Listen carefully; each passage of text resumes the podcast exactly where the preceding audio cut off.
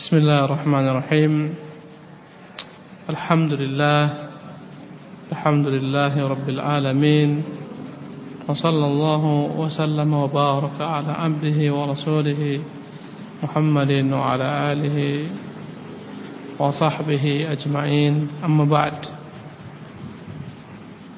Para ikhwan yang dimuliakan Allah Kita akan lanjutkan Pelajaran daripada kehidupan Rasulullah Sallallahu Alaihi Wasallam. Setelah selesainya Perjanjian Hudaibiyah Sepakati antara Rasulullah dan Quraisy Maka Kita telah jelaskan bahwasanya telah terbentang jalan untuk menyebarkan dakwah di mana musuh yang paling keras menentang kaum muslimin Quraisy sekarang telah mempertimbangkan posisi kaum muslimin memperhitungkan posisi kaum muslimin. Bahkan mereka merasa tidak mampu menghadapi kaum muslimin. Karena itulah mereka lebih mengutamakan berdamai dengan senjata dibandingkan berperang melawan kaum muslimin. Karena peperangan-peperangan sebelumnya telah tampak bagi mereka bagaimana kekuatan kaum muslimin yang tidak dapat dimusnahkan. Berbagai cara mereka tempuh sampai-sampai mereka sepakat membuat pasukan sekutu untuk menghabisi kaum muslimin pada perang Ahzab 10.000 pasukan sekutu ingin menghabisi kota Madinah penghuninya. Namun qaddarullah pasukan muslimin tetap dengan izin Allah SWT tidak pernah dapat dimusnahkan bahkan semakin kuat eksistensi mereka di hadapan musuh-musuh Islam. Maka setelah perjanjian Hudaybiyah telah terbuka bagi Rasulullah jalan-jalan untuk menyebarkan dakwah. Bahkan efeknya besar terhadap bangsa Arab. Mereka sekarang telah benar-benar memperhatikan memperhitungkan kaum muslimin. Mereka melihat bangsa Arab melihat Quraisy yang adalah merupakan pemimpin dalam beragama mereka yang merupakan musuh yang paling terberat bagi kaum muslimin sekarang telah mengadakan genjatan senjata maka sehingga banyak sekali suku-suku Arab ya, tertarik kepada Islam sampai nanti pada menaklukkan kota Makkah dan terbukalah kesempatan bagi Rasulullah untuk menyebarkan dakwah tanpa halangan Rasulullah menyurati raja-raja. Kita telah bacakan kemarin surat-surat Rasulullah sallallahu alaihi wasallam kepada raja-raja. Rasulullah kirimkan kepada Raja Najasyi di Habasyah, beliau kirimkan juga kepada Raja Kisra di Persia. Kemudian Rasulullah juga surati Raja Mesir Muqawqis. Kemudian hari ini kita akan membaca isi surat Rasulullah wasallam kepada raja Heraklius Herakil di Romawi yang mana kerajaan terbesar ketika itu adalah kerajaan Romawi dan Persia yang selalu terjadi perangan antara kedua kerajaan ini yang silih berganti. Pada waktu itu Romawi berhasil menaklukkan Persia. Bahkan Al-Quran telah memuat kisah ini sebelum terjadi peperangan. Allah SWT menurunkan sebuah surat yang bernama surat Ar-Rum. Allah membuka firman dengan kata-kata Ghulibatir Rum. Telah dikalahkan orang-orang Romawi. Wahum min ba'di ghalabihim sayaghlibun.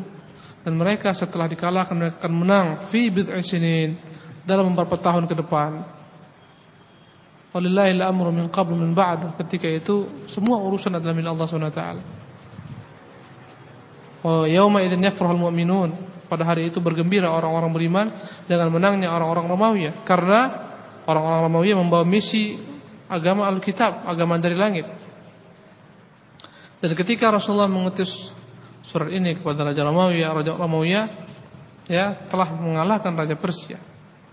Walaupun tidak habis habis-habisnya tapi peperangan ada pada kemenangan ada di tangan mereka. Maka Rasulullah SAW mengirimkan surat ini sebagaimana Imam Bukhari rahimahullah taala menyebutkan kisah pengiriman surat ini kepada Raja Romawi. Apa isinya? Imam Bukhari memuat ini menunjukkan riwayat ini sahih. isi nas atau teks dari Rasulullah SAW beliau menulis dalam suratnya Bismillahirrahmanirrahim dengan nama Allah yang Maha Pengasih lagi Maha Penyayang. Kata-kata Ar-Rahmanir-Rahim adalah merupakan nama Allah SWT yang dikenal dalam Islam. Orang-orang Quraisy tidak mengenal Ar-Rahman, tidak pula Ar-Rahim. Karena itulah mereka mengingkari Ar-Rahman. Mereka berkata, "Wa Mar-Rahman?" Ada apa rupanya dengan Ar-Rahman? Mereka tidak kenal. Min Muhammadin Abdullahi wa Rasulihi ila Hiraqla azimir Rum. Dari Muhammad bin Abdullah dan Rasulnya kepada Heraklius penguasa Romawi, pembesar Romawi. Salamun ala man ittaba'al huda. Keselamatan bagi orang-orang yang mengikuti petunjuk. Subhanallah. Dimulai dengan ungkapan salam. Karena yang dihadapinya orang-orang kafir, ya tidak boleh ucapkan assalamualaikum, tapi dia katakan salamun ala man ittaba'al huda. Keselamatanlah bagi orang-orang yang mengikuti petunjuk. Maksudnya siapa pun mengikuti petunjuk dia akan selamat. Yang tidak mengikutinya tidak akan selamat. Berkata Rasulullah dalam suratnya aslim taslam. Masuklah engkau ke dalam Islam, engkau akan selamat. Aslim yu'tikallahu ajraka marratain. Masuklah ke dalam Islam. Maka Allah akan berikan bagi dua ganjaran pahala karena Allah Subhanahu wa taala berjanji kepada ahli kitab, orang-orang Yahudi, orang-orang Nasara, barang siapa yang yang beriman di antara mereka dengan Muhammad sallallahu alaihi wasallam, Allah akan memberikan bagi mereka dua ganjaran pahala. Pertama ganjaran pahala beriman dengan Nabi sebelumnya. Yang kedua ganjaran pahala beriman dengan Nabi Muhammad SAW Jadi orang-orang ahlu kitab Yang beriman kepada Rasulullah Dia dapat dua ganjaran pahala. Makanya kata Rasulullah Yu'tikallahu ajraka marratain Islamlah. Niscaya Allah akan berikan bagimu ganjaran dua kali pahala Daripada orang-orang biasa. Orang-orang kafir Quraisy masuk Islam satu pahalanya Tapi orang ahlu kitab dua pahalanya. Fa in tawallaita fa inna 'alaika ismul arisiyin kalaulah engkau berpaling engkau tidak menerima dakwah ini engkau tidak masuk Islam tidak mengikuti petunjuk fa inna 'alaika ismul arisiyin fa inna 'alaika isma al-arisiyin. Ketahuilah sungguhnya di pundakmu lah akan dibebankan dosa orang-orang arisiyin. Ini kaumnya orang-orang Romawi ya. Orang-orang Romawi ya, disebut dengan nama Arisiyun atau Arisiyin. Kemudian dia tuliskan ayat Ya ahlul kitabi ta'alu ila kalimatin sawa'in bainana wa bainakum. Wahai ahli kitab Marilah kita tegakkan satu kalimat yang sama antara kami dan kalian Adla na'buda illallah wa la nushrika bihi syai'a. Kalimat tersebut isinya Janganlah kita sembah kecuali hanya Allah saja. Dan janganlah kita sekutukan dia dengan apapun jua. Wala yattakhidha ba'duna ba'dan arbaban min dunillah. Dan jangan sampai sebagian kita mengangkat sebagian lain sebagai tuhan-tuhan dari selain Allah. Fa in tawallaw faqulu syahadu bi anna muslimun kalaupun mereka berpaling wahai Muhammad katakan sungguhnya kami saksikanlah kami adalah orang-orang yang berserah diri muslim inilah dia isi surat Rasulullah sallallahu alaihi wasallam kepada Raja Romawi.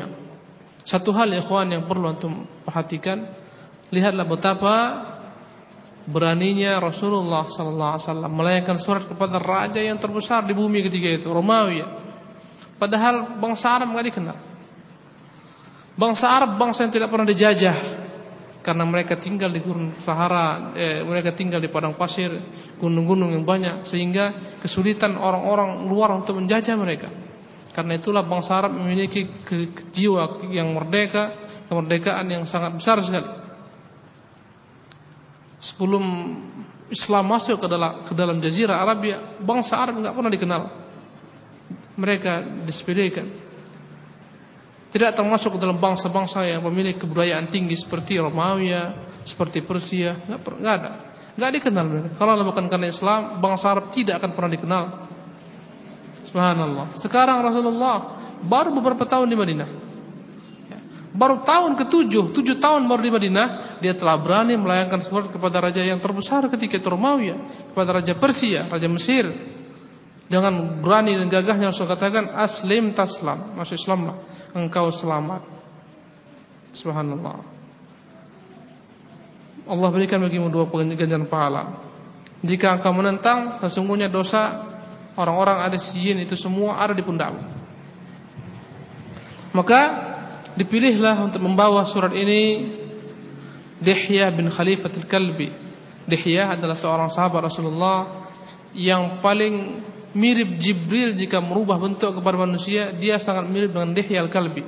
Seorangnya seorang yang gagah perkasa. Dihya ganteng orangnya. Jibril jika dia menjelma di hadapan para sahabat, dia menjelma mirip dengan Dihya al-Kalbi, kegagahannya. Maka Rasulullah SAW perintahkan yang membawa surat ini Kemudian diperintahkan untuk diberikan kepada Raja Busra Busra ini daerah yakni jajahan daripada Romawi Busra Di negeri Syam. Maka Diserahkanlah surat ini kepada Raja Busra Sebagai daerah jajahan Romawi agar diserahkan kepada kaisar. Kaisar Romawi ketika itu Heraklius. Dan Al-Imam Al-Bukhari meriwayatkan dari Ibnu Abbas bahwasanya Abu Sufyan Ibnu Harb pernah memberitahukan kepada kepadanya sesungguhnya Heraklius pernah mengutus utusannya kepada kafilah yang dibawa oleh Abu Sufyan kafilah orang-orang Quraisy. Ketika itu Quraisy sedang berdagang di negeri Syam. Ketika Rasulullah sallallahu alaihi wasallam ya telah muncul di kota Madinah. Mereka telah mulai menampakkan kegiatan mereka. Mereka telah memiliki kekuatan. Dipanggil sengaja Heraklius mengutus utusannya untuk mempertemukan dirinya dengan salah seorang daripada bangsa Arab Quraisy. Maka berangkatlah orang-orang Quraisy, sepakatlah mereka ketemu di Ilya di Palestina ketemunya mereka. Maka ketika itu Raja Heraklius mengundang mereka. Mengundang mereka di majelisnya di hadapan para pembesar-pembesar istana. Ketika itu Abu Sufyan masih dalam keadaan musyrik, belum lagi dia beriman. Kemudian dihadirkan orang Quraisy dalam majlis ini, dipanggil penterjemah, penterjemah Raja Heraklius. Karena mereka bukan berbicara dengan bahasa Arab. Maka berkatalah sang raja melalui penterjemah. Ayyukum aqrabu nasaban bihadzal rajul alladhi yaz'umu annahu nabiyyun? Siapakah di antara kalian yang paling dekat keturunannya nasabnya pertaliannya dengan laki-laki yang kudengar mengaku nabi di antara kalian. Berkata Abu Sufyan ana aqrabuhum nasaba. Aku yang paling dekat nasabnya dengan beliau.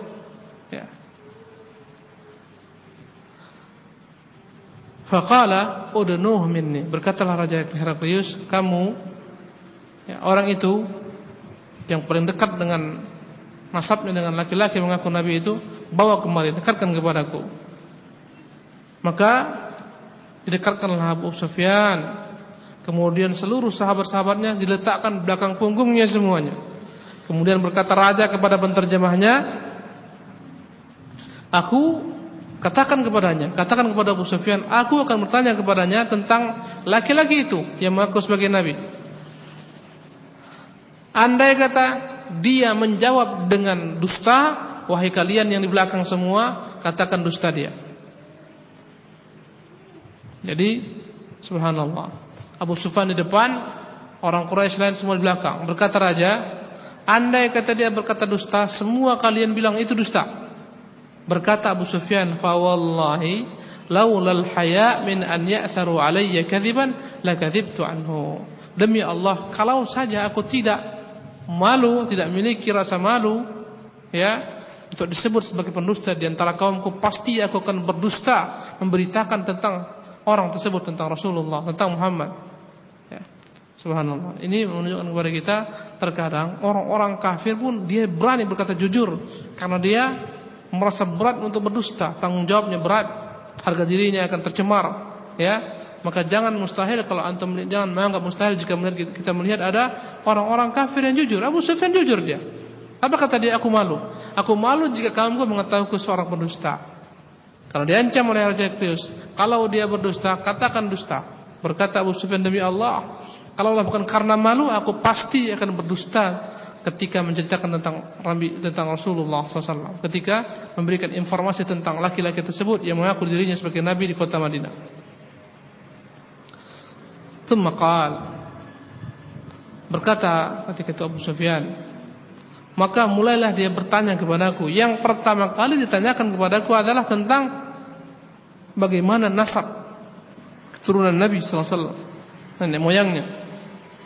Berkata Raja Heklius kaifa nasabuhu fikum bagaimana nasab keturunan garis keturunan laki-laki ini di antara kalian? Yakni maksudnya adalah Muhammad. Faqultu berkata Abu Sufyan menjawab dengan jujur tanpa ada dusta. Huwa fina dzu nasabin. Dia di antara kami adalah seorang yang memiliki keturunan yang terhormat. Rasulullah keturunan Bani Hashim. Hashim adalah pemimpin di bangsa Arab terkenal. Kakek beliau Abdul Muttalib juga pemimpin. Abu Talib orang-orang yang mulia memiliki nasab yang mulia yang paling mulia di antara Quraisy Bani Hashim qala. Kemudian bertanya kembali Raja Heraklius hal hadzal qawlu minkum? Hal qala fahal qala hadzal qawla minkum ahadun qattu qablahu?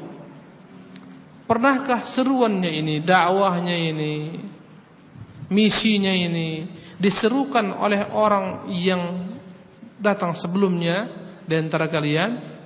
Pernahkah ada orang sebelum dia yang menyerukan seruan ini? Qultu la. Aku menjawab tidak, enggak ada.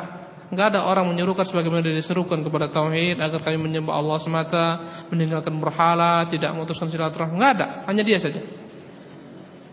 Hanya dia yang menyuruh seperti ini. Kemudian kembali bertanya Raja Romawi, "Fahal kana min abaihi min malakin?" Kutanyakan lagi padamu, apakah ada di antara nenek moyangnya seorang penguasa, seorang raja yang memiliki kekuasaan? Qultu la. Aku menjawab kata Abu Sufyan, tidak ada. Qala, bertanya kepada Raja Romawi, fa asyrafun nasi ittaba'uhu am du'afa'uhum apakah yang mengikutinya orang-orang yang mulia para bangsawan para pembesar? Ataukah yang mengikutinya orang-orang lemah di antara mereka? Qultu bal du'afa'uhum. Aku menjawab yang mengikutinya yang paling banyak adalah orang-orang yang lemah. Qala kembali Abu Sufyan bertanya ayaziduna am yanqusun? Apakah jumlah mereka itu yang mengikuti dia bertambah atau berkurang? Qultu bal yazidun aku menjawab ya jumlah mereka terus menerus bertambah. Suara saya jelas sangat dengar enggak? Jelas. Kemudian kembali bertanya raja ramya fahal yartaddu ahadun minhum sukhtatan lidinihi ba'da an yadkhula fihi? Pernahkah ada pengikutnya yang murtad keluar daripada agamanya karena benci kepada agamanya? Ya. Setelah dia masuk ke dalamnya, ku jawab, la, tidak pernah ada yang murtad daripada mereka. Qala, kemudian bertanya kembali Raja Heraklius, "Fahal tattahimunahu bil kadhibi qabla an yaqula ma Pernahkah kalian menuduh dia, mencurigai dia berdusta sebelum dia mendakwakan dakwah ini, mendakwakan risalah ini, pernahkah dia berdusta? Qultu la, aku katakan dia tidak pernah berdusta sebelumnya. Qala Kembali bertanya Abu Sufyan, "Hal yaghdir? Apakah dia berkhianat?" Qultu la. Berkata aku, "Dia tidak pernah berkhianat." wa nahnu minhu fi muddatin la nadri ma huwa fa'ilun fiha kata-kata inilah yang bisa diselipkan menunjukkan kebencian Abu Sufyan kepadanya berkata Abu Sufyan dia tidak pernah berkhianat tapi kami enggak tahu sekarang keadaannya bagaimana itu ketika kami tinggalkan dia apakah sekarang telah berkhianat kami enggak tahu apa yang diperbuat sekarang boleh jadi dia berkhianat sekarang tapi sebelumnya enggak pernah berkhianat qala Berkata Abu Sufyan, "Walam tumkin walam tumakkinani kalimatun adkhulu fiha syai'an ghaira hadzal kalimah." Enggak ada celah yang dapat aku masuk daripada pertanyaan itu kecuali celah ini saja. Apakah dia berkhianat? Jawabannya apa? Tidak. Tapi enggak tahulah sekarang. Boleh jadi sekarang dia berkhianat. Itu dulu yang ketinggalkan. Cuman celahnya sini aja lah celahnya yang biasa dia masuki. Qala bertanya, bertanya lagi Raja Heraklius, "Fahal qataltumuhu?" Apakah kalian memeranginya? Qultu na'am. Kukatakan ya. Qala fa kaifa kana qitalukum iyyah? Kemudian dia bertanya, "Bagaimana hasil peperangan kalian ketika memeranginya?" Qultu, "Al-harbu bainana wa bainahu sijal." Peperangan antara kami dengan dia terus-menerus berkecamuk. Yanalu minna wa nanalu minhu. Kami menyerang dia, dia serang kami terbunuh daripada orang-orangnya, terbunuh daripada orang-orang kami. Qala madza ya'murukum? Kemudian setelah raja ini bertanya tentang nasabnya, keturunannya, tentang dirinya, ya. Apakah dia berkhianat, apakah dia berdusta, apakah sebelumnya dia pernah berdusta? Setelah semuanya dijawab, la, tidak, tidak, tidak. Apakah mengikutinya orang-orang lemah atau orang-orang bangsawan, orang-orang kuat? Kemudian kembalilah Heraklius bertanya tentang dakwahnya. Apa kata Heraklius? Mada ya'murukum? Apa rupanya seruan dia? Apa rupanya yang diserukan kepada kalian? Apa misinya? Qultu yaqulu Aku berkata, dia U'budullaha wahdahu wa la tusyriku bihi syai'a. Seruannya, sembahlah Allah semata, jangan sekutukan dia dengan apapun juga. Subhanallah, inilah dia misi dakwah Nabi. Abu Sufyan mengakuinya. Seruan dia, sembahlah Allah semata, jangan sekutukan dengan apapun juga. Subhanallah. Watruku ma yaqulu aba'ukum. Dia berkata, tinggalkan apa-apa yang telah dikatakan oleh nenek moyang kalian tentang agama kalian. Subhanallah. Jadi Rasulullah membawa suatu perbaikan, meninggalkan kebiasaan lama, tradisi lama nenek moyangnya nenek moyang orang-orang Arab. Subhanallah. Wa ya'muruna bis salati was sidqi wal afafi was silah. Dia perintahkan kami untuk salat, berkata-kata jujur, untuk menjaga kesucian diri, menyambung silaturahmi. Faqala liturjuman, maka berkatalah Heraklius kepada penterjemahnya, "Qul lahu" Katakan kepadanya, sa'altuhu sa'altuka an nasabihi fa dzakarta annahu fikum dzu nasabin. Wa kadzalika ar-rusulu tub'atsu fi nasabin min qaumiha katakan kepadanya wahai penterjemah. Aku tanyakan kepadamu tentang nasabnya. Kalian katakan dia memiliki nasab keturunan yang mulia terhormat maka demikian juga lah para nabi para rasul mereka itu terlahir daripada keturunan yang terhormat Kemudian berkata lagi raja, katakan kepadanya, aku bertanya kepadamu, apakah seruannya ini pernah ada seseorang sebelumnya menyerukannya? Kalian mengatakan, engkau mengatakan tidak. Maka aku katakan, kalaulah saja memang ada sebelumnya orang-orang yang menyeru seperti seruannya, boleh jadi kita bisa berprasangka buruk kepadanya, dia hanyalah taklid mengikuti seruan orang-orang sebelumnya. Tapi kan mengatakan enggak ada. Tidak pernah ada orang sebelumnya menyerukan sebagaimana seruannya. Kalau anda kata ada, boleh jadi kita katakan dia hanyalah mengikuti seruan orang-orang sebelumnya. Kemudian berkata raja kepada penterjemahnya, "Wa sa'altuka an hal kana min abaihi min malikin?" Aku bertanya, apakah para nenek moyang terdahulu ada yang menjadi penguasa yang menjadi raja di sana? Kemudian kamu sebutkan tidak. Maka menurutku kalau saja di antara bapak-bapaknya, nenek moyangnya ada yang menjadi raja, boleh jadi aku katakan sesungguhnya laki-laki itu menyuruh kalian ya kepada agamanya dengan tujuan kelak dia ingin menguasai kalian karena ingin mengembalikan kekuasaan yang telah hilang daripada nenek moyangnya. Tapi ternyata tidak, enggak ada nenek moyang yang menjadi penguasa antara kalian. Kemudian kutanyakan kembali, hal kuntum tattahimuna bil kadhibi qabla an yaqula maqal? Pernahkah kalian mendustakannya, menganggapnya berdusta? Pernahkah kalian mengetahuinya berdusta sebelum dia mengaku menjadi nabi, menyerukan apa-apa yang diserukan? Fadzakarta an la. Engkau jawab tidak pernah dia berdusta sebelumnya.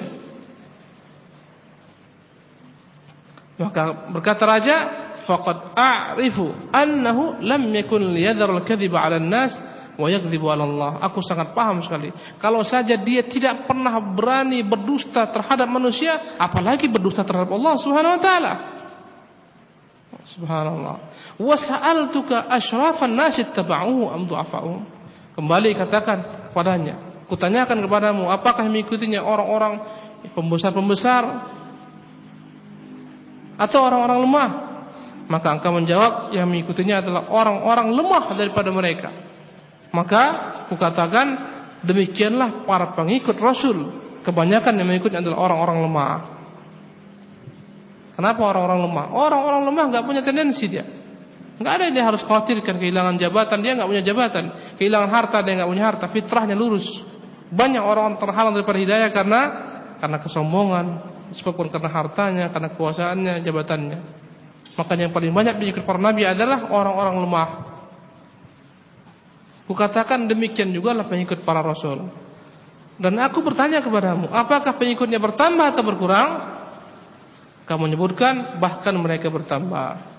Demikian juga lah perkara iman akan terus bertambah sehingga dia menjadi sempurna. Aku pernah bertanya kepadamu, apakah ada di antara pengikutnya yang murtad kembali keluar daripada agamanya karena benci kepada agamanya? Kamu jawab tidak pernah ada. Demikian juga iman ketika telah masuk ke dalam batin, ke dalam dada, ya, telah memasuki hati, maka tidak akan mungkin dia dapat keluar daripadanya. Aku juga bertanya kepadamu, apakah dia pernah berkhianat? Kau katakan tidak. Demikian juga lah para rasul, mereka tidak pernah berkhianat. Kutanyakan kepadamu, apa yang dijadikan sebagai seruannya? Apa misinya? Apa seruannya? Apa yang dia perintahkan? Engkau menyebutkan dia memerintahkan kalian agar menyembah Allah semata, jangan menyekutukannya dengan apapun jua. Melarang kalian untuk mengibadati berhala-berhala, menyuruh kalian salat, berkata-kata jujur, menyuruh kalian untuk menjaga kesucian diri. Andai kata semua yang kau beritakan itu benar adanya, ini dia. Ini dia syahidnya. Fa in kana ma taqulu haqqan fasayamniku mawdi'a qadami hatain. Kalau semua yang kau sebutkan itu benar adanya, maka pasti dia akan menguasai apa-apa yang di bawah tapak kakiku ini. Subhanallah.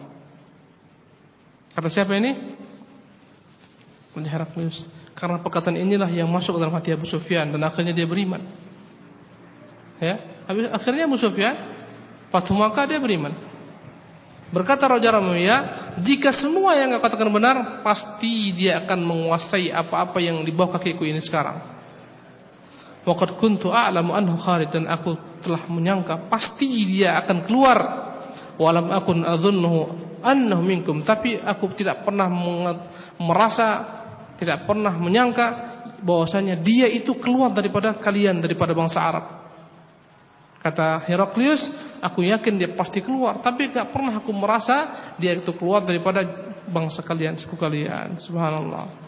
Walau anni a'lamu anni akhlusu ilaihi latajashamtu liqa'ahu. Kalaulah aku tahu aku bisa selamat ya, mencapainya akan kukejar dia.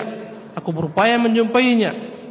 Walau kuntu indahu la ghasaltu an qadamaihi. Kalau aku ada di hadapannya akan kucuci kedua tapak kakinya. Subhanallah. Kemudian dia panggil ketika itu pengawalnya untuk membawa surat yang ditulis Rasulullah SAW. Kemudian dia baca. Tatkala selesai dia bacakan surat tersebut, ya, dia serukan kepada uh, para pembesar-pembesar istana, para pendeta-pendeta di sana agar menerima agama ini, maka hingar-bingarlah terjadi. Mereka hirup pikuk, mereka angkat suara, kacau balau perkaranya. Berkata Abu Sufyan, maka kami pun diperintahkan untuk keluar. Subhanallah. Heraklius mau beriman. Dia ajak pembesar-pembesar istana, dia ajak para pendeta, maka mereka pun ribut semua menentangnya. Subhanallah. La ilaha illallah. Dan sebagai riwayat dikatakan, ya, ketika semua mereka ribut menentangnya, berkata ketika Heraklius, aku hanya sekedar menguji kalian, setiap kalian kepada agama ini. Subhanallah. Gara-gara kekuasaan. Kalau anda kata bukan karena kekuasaan, dia akan ikut kepada Islam. Dia takut hilang kekuasaannya ketika mengikuti Islam. Faqultu li ashabihi hina laqad amara Amr ibn Abi Kabashah innahu la yakhafu Malik bin al-Asfar. Aku katakan ketika dikeluarkan sesungguhnya sekarang keturunan Ibnu Abi Kabashah yakni keturunan nenek moyang Rasulullah alaihi wasallam maksudnya sesungguhnya sekarang perkara Muhammad perkara Muhammad, agama Muhammad benar-benar telah tersebar sampai-sampai raja Bani Asfar, raja Romawi pun telah takut kepadanya. Subhanallah. Begitu kagumnya Abu Sufyan mendengar jawaban raja Romawi sehingga dia berkata, ha, apa katanya tadi? Sesungguhnya perkara Muhammad telah tersebar sampai-sampai orang-orang Ya, raja-raja raja Romawi pun telah menakutinya, memperhitungkannya. Berkata Abu Sufyan, "Fama ziltu muqinan bi amri Rasulillah." Maka sejak itu aku merasa yakin sekali dengan urusan Rasulullah, annahu sayazhar pasti dia akan menang. Hatta adkhalallahu alaihi Islam sampai Allah masukkan dalam hatiku itu Islam. Subhanallah. Akhirnya masuk Islam Abu Sufyan. Tahu dia pasti Rasulullah akan menang. Allahu Akbar Subhanallah Ini antum akan dapat di dalam Sahih Bukhari kisahnya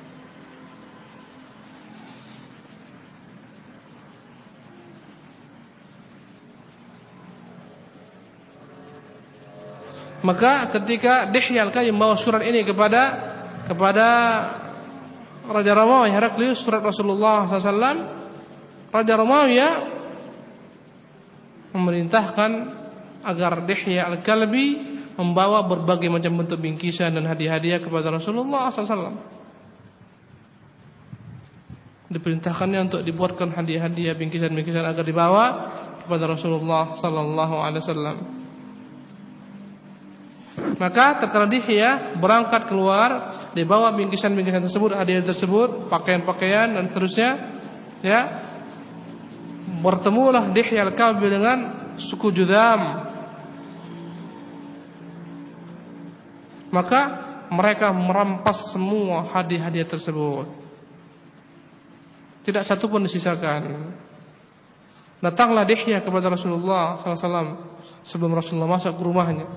Dan dia beritakan bahwasanya semua hadiah dirampas oleh suku Judam. Maka Rasulullah SAW mengutus Zaid bin Haritha ke tempat mereka di belakang Wadil Qura dengan membawa 500 personil pasukan. Akhirnya Zaid berhasil mengecoh mereka.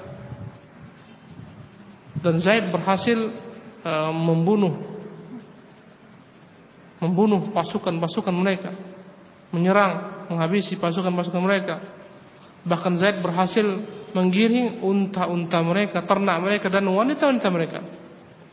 Kemudian Zaid bin Harithah berhasil mengumpulkan sebanyak seribu ekor unta.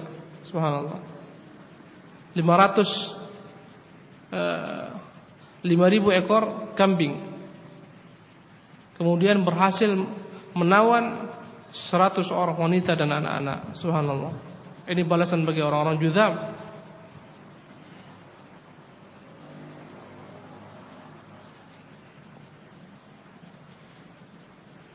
Kemudian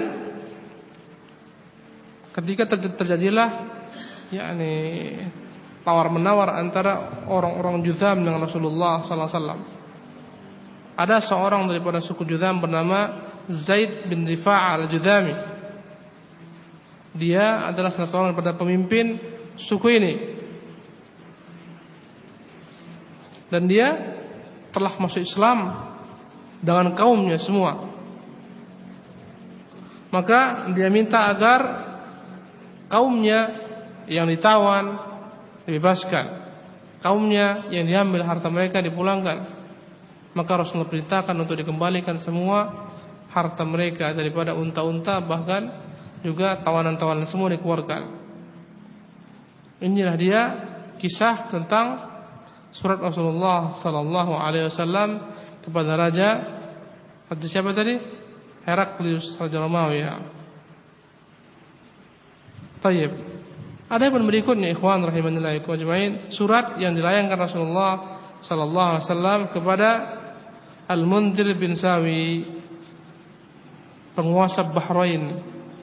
Penguasa Bahrain. Sekarang masih namanya Bahrain. Rasulullah sallallahu alaihi wasallam menulis kepada Munzir bin Sawi, penguasa Al-Bahrain, sebuah surat yang dalamnya seruan kepada Islam. Surat ini dibawa oleh Al-Ala Ibn Al-Hadrami, salah seorang sahabat Rasulullah sallallahu alaihi wasallam. Maka setelah Al-Munzir bin Sawi, penguasa Bahrain, membaca surat Rasulullah sallallahu alaihi wasallam maka dia tulis jawaban terhadap surat tersebut dia katakan amma ba'du ya Rasulullah fa inni qara'tu kitabaka ala ahli al-bahrain adapun setelahnya wahai Rasulullah aku telah bacakan suratmu itu kepada seluruh penduduk Bahrain faminhum man ahabbal islam wa ajabah wa dakhala fihi wa minhum man kariha. Di antara mereka ada yang kagum dengan Islam dan mereka segera masuk ke dalamnya dan di antara mereka ada pula yang membencinya. Wa bi ardi majus wa yahud. Fa ahdits ilayya fi dzalika amra tapi di negeriku ini bercokol orang-orang Yahudi sebagian dan orang-orang Majusi. Maka tulislah kepadaku apa yang harus perbuat terhadap mereka. Subhanallah. Ini menunjukkan Raja Bahrain telah memeluk Islam, beriman kepada Rasulullah. Sawi bin Hakim, dia katakan perintahkanlah apa yang kau inginkan ya Rasulullah, apa yang kau perbuat. Maka Rasulullah sallallahu alaihi wasallam menulis kepadanya surat jawaban Bismillahirrahmanirrahim dengan nama Allah yang Maha Pengasih Penyayang. Min Muhammadin Rasulillah ilal Munzir bin Sawi. Dari Muhammad Rasulullah kepada Munzir bin Sawi, salamun alaik. Diucapkan selamat atas semua. Kenapa diucapkan salamun alaika? Sebelumnya salamun ala man ittabal huda. Kenapa? Karena anda masih Islam. Semoga keselamatan daripada Allah kepadamu. Fa inni ahmadu ilaika Allah. Sesungguhnya aku memuji kepadamu Allah, alladzi la ilaha illahu, yang tidak ada ilah yang hak kecuali Dia. Wa asyhadu anna Muhammadan abduhu wa rasul dan aku bersaksi kata Rasulullah, sesungguhnya Muhammad adalah hamba dan rasulnya. Amma ba'du. Adapun setelahnya fa inni udzakirukallah azza wa jalla. Aku ingatkan engkau terhadap Allah Subhanahu wa taala. Fa innahu man yansah fa inna ma yansah li nafsihi. Barang siapa yang dia, yang dia jujur, sesungguhnya jujur itu kembali manfaatnya untuk dirinya. Wa innahu man yuti' rusuli wa yattabi' amrahum faqad ata'ani. Sesungguhnya barang siapa yang mematuhi para utusanku ya, maka berarti mereka telah mematuhiku. Oman nasaha lahum faqad nasaha li barang siapa yang jujur fair kepada mereka kepada para utusanku berarti dia telah fair kepadaku. Wa inna rusuli qad asnau alayka khairan sesungguhnya utusanku telah menyebutkan kebaikan kepadamu. Kebaikan tentang telah menyebutkan tentangmu segala macam kebaikan. Wa inni qad syafa'tuka fi qaumika. Maka aku telah berikan syafaat bagimu terhadap kaummu. Fatruk lil muslimina ma aslamu alaihi. Biarkan orang-orang Islam yang masuk Islam. Wa afauta an ahli dhunub. Faqbal minhum. Dan ampunilah orang-orang yang berbuat dosa. Terimalah taubat mereka. Wa innaka mahma tasluhu wa inna wa innaka mahma tasluhu falam na'zilaka an amalika Wa man aqama 'ala yahudiyyatin aw majusiyyatin fa 'alaihi al-jizyah. Sesungguhnya selama engkau layak untuk memegang tampuk kekuasaan, engkau tetap akan menjadi penguasa di sana. Barang siapa yang tetap enggan masuk Islam, tetap di atas agama Yahudinya ataupun Majusinya, maka mintalah daripada mereka jizyah upeti sebagai kompensasi mereka dilindungi oleh pemerintah kaum muslimin. Subhanallah. Inilah surat Rasulullah kepada Raja Bahrain. Jadi Raja Bahrain itu telah lama Islamnya ya negeri Bahrain itu telah ada penguasanya sejak masa Rasulullah sallallahu alaihi wasallam. Kemudian surat berikutnya surat yang beliau layangkan kepada Haudzah bin Ali, penguasa negeri Yamamah. Subhanallah. Dari Yamamah ini akan keluar nabi palsu yang bernama siapa? Musailamah al-Kadzdzab. Sebelumnya imam ini dikuasai oleh seorang raja mereka yang bernama Haudzah bin Ali. Apa isi surat Rasulullah SAW? Beliau menuliskan isi suratnya Bismillahirrahmanirrahim. Min Muhammadin Rasulillah ila Haudzah ibn Ali. Salamun ala man ittaba'al huda. Dari Muhammad Rasulullah kepada Haudzah. Haudzah bin Ali semoga keselamatan akan diberikan kepada orang-orang yang mengikuti petunjuk. Wa alam anna dini sayadharu ila muntahal khafi wal habil. Ketahuilah wahai raja, agamaku ini akan menang dan dia akan mencapai tempat manapun juga yang dapat dicapai oleh unta ataupun kuda. Subhanallah. Ketika itu yang paling canggih kendaraannya apa? Unta dan kuda. Kemanapun sampai kuda mencapainya, unta mencapainya, maka agamaku akan sampai ke sana dan akan menang di sana. Fa aslim taslam karena itu lebih baik engkau masuk Islam engkau akan selamat. Waj'al laka ma tahta yadayka kalau engkau memeluk Islam maka kerajaan yang kau miliki akan tetap di bawah kekuasaanmu. Ini menunjukkan kepada kita bahwasanya Islam itu bukan haus kekuasaan. Rasulullah bukan ingin menguasai kekuasaan raja-raja tidak. Pokoknya ganti akidahnya. Ganti hukumnya, ikuti hukum Allah SWT. Engkau terjadi penguasa. Jadi enggak ada dalam Islam itu misi adalah untuk merebut kekuasaan enggak ada. Tapi menyebarkan apa? Akidah. Subhanallah. Ini adalah misi para nabi sebelum Rasulullah. Misi Ibrahim. Apakah Ibrahim diperintahkan Allah gulingkan Namrud, ambil kekuasaannya? Enggak ada. Misi siapa lagi? Nabi Musa, apakah Allah perintahkan Musa dengan Bani Israel gulingkan Firaun, ambil kekuasaannya? Enggak ada. Mereka bukan itu misinya. Berapa banyak ikhwan rahimakumullah orang salah persepsi dan tidak menganggap kekuasaan itulah segala-galanya yang harus dicapai dengan apapun caranya. Subhanallah. Sehingga mereka menganggap tujuan dakwah adalah menjadi penguasa kaum muslimin. Memiliki khilafah dalam Islam. Bukan itu tujuan. Itu hanyalah merupakan sarana. Ketika seorang memancangkan tujuan dalam dakwanya adalah kekuasaan, apa pun caranya, apakah parlementer dia ikutin, apakah khilafah namanya, apa pun juga. Kalau itu tujuan dalam dakwah, maka dia telah menyelisihi dakwah para nabi dan rasul. Subhanallah. Dan tidak akan pernah mereka berhasil membuahkan kemaslahatan. Yang ada kerusakan yang akan timbul. Siapa yang mau kuasa diambil? Tidak ada yang mau. Dia akan pertahankan. Para raja akan mempertahankan sampai titik darah terakhir kerajaannya, kekuasaannya. Tidak ada yang mau. Dia akan kerahkan semua daya upayanya. Makanya bukan itu tujuan Islam. Tapi sebarkan dakwah kepada penguasa kaum muslimin agar mereka terima dakwah ini. Kalau mereka terima, sebarkan dakwah kepada para penguasa-penguasa kufar. Kalau mereka terima, alhamdulillah akan tersebar Islam. Jangan diutaati kekuasaannya, biarkan dia berkuasa. Yang penting ikuti aturan-aturan mainnya dalam berkuasa. Ikuti aturan-aturan Islam. Subhanallah. Jadi enggak perlu takut raja-raja, enggak perlu takut. Kenapa? Karena tetap mereka yang menjadi penguasa. Subhanallah. Jadi banyak orang yang enggak baca sirah salah paham. Sehingga mereka memaksakan diri harus kita menguasai, kita harus memiliki sekian kursi di parlemen, kita harus menang, kita harus, kita harus kita bentuk masyarakat, kita kumpulkan masyarakat, kita buat khilafah. Nonsense semuanya itu. Dakwakan tauhid. Dimanapun anda berada, serukan islah, memperbaikan tauhid dimanapun anda berada, agar terdengar dakwah ini semua lapisan masyarakat dari rakyatnya, politisinya, pejabat, pemerintah, aparat, semuanya mendengar dakwah ini. Ya, dan dakwah yang dakwah yang lurus dan sesuai dengan fitrah.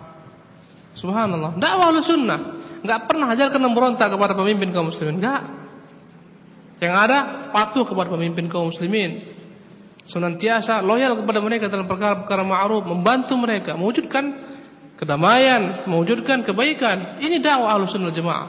Bukan dakwah menyeru untuk menggulingkan penguasa kaum muslimin, meruntuhkan kuasaannya, apalagi mengkafirkannya bukan ini tujuan dakwah.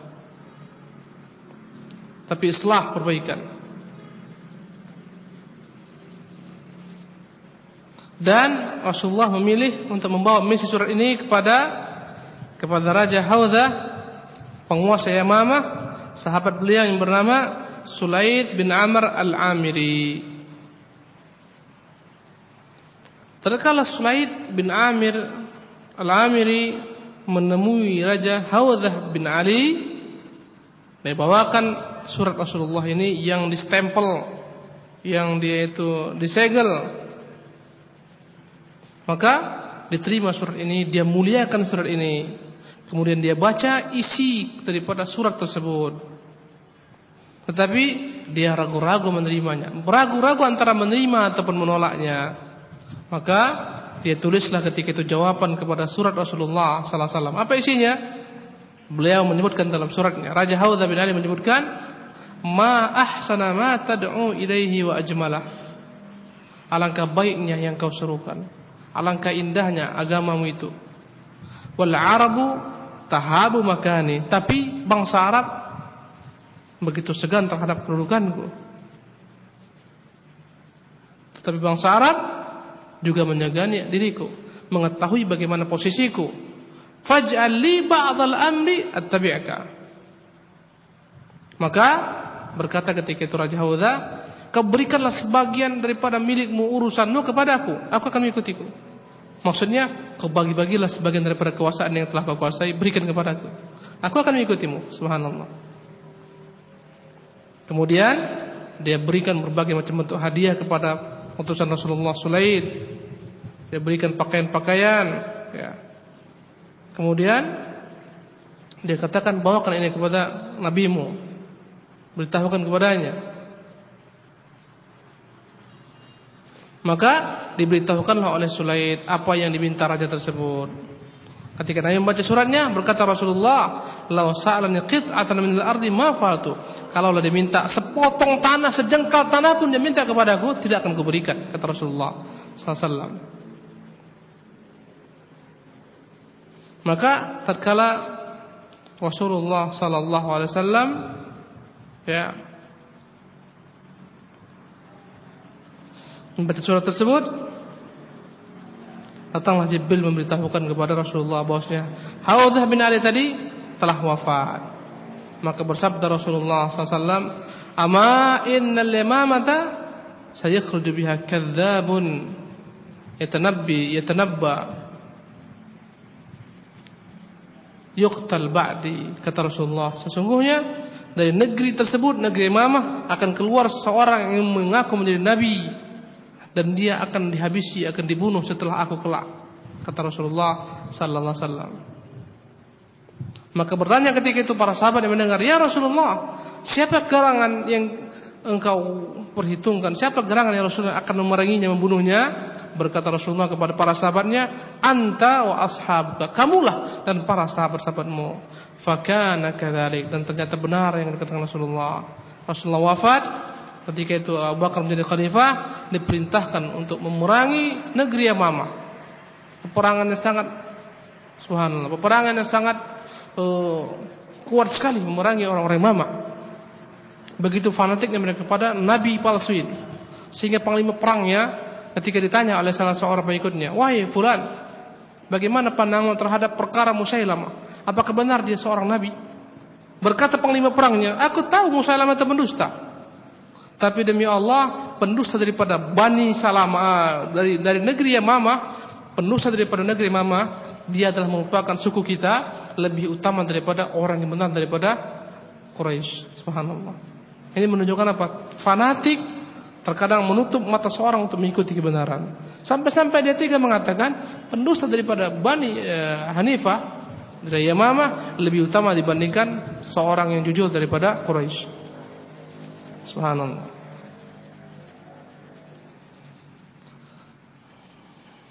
Kemudian Rasulullah juga melayangkan surat kepada Al-Harith bin Abi Syamr Al-Ghassani penguasa Damaskus subhanallah. Jauh Ya, ternyata Rasulullah surati para raja-raja.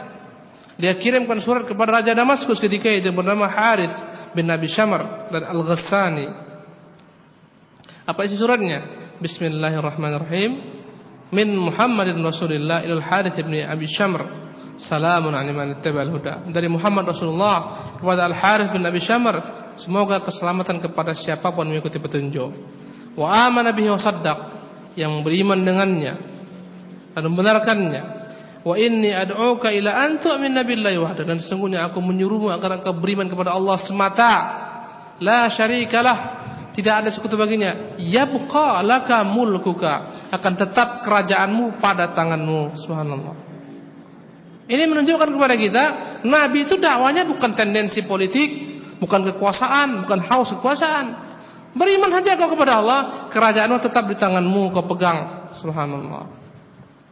Rasulullah perintahkan ke bawah misi surat ini Suja bin Wahab dari Bani Asad bin Khuzaimah. Ketika sampai surat ini ke tangan raja ini, Raja Al-Harith bin Abi Syamar Al-Qasani, dia berkata, "Man yanza'u mulki minni?" Siapa yang berani mengambil kekuasaanku daripadaku? Ana sa'irun ilaihi. Aku akan datang menantangnya dan dia tidak mau menerima Islam. Kemudian Rasulullah juga mengirim surat-surat lainnya kepada Raja Oman insyaallah taala kita akan lanjutkan pembahasan ini kesempatan akan datang setelah itu kita akan berbicara tentang kegiatan setelah pengiriman surat-surat ini kepada para raja-raja bagaimana kegiatan strategi peperangan Rasulullah SAW untuk menaklukkan ya sekutu-sekutu lainnya karena ada tiga besar tiga besar musuh Islam yang paling besar Quraisy ini telah telah melemah tinggal Ghatafan dengan suku-suku di bawahnya dan Yahudi. Maka Rasulullah setelah selesai perkara dengan Quraisy membuat perhitungan dengan orang-orang Yahudi. Karena mereka lah tokoh yang senantiasa membuat makar yang kelak akan membuat terjadi peperangan yang disebut dengan nama peperangan Khaybar. Setelah itu hancur Yahudi. Tinggallah di ketupat dan seterusnya insyaallah kita akan bahas di kesempatan yang akan datang. Wallahu taala alam wa sallallahu wa sallam ala nabiyina Muhammadin wa akhir da'wana alhamdulillahirabbil alamin. Wassalamualaikum warahmatullahi wabarakatuh.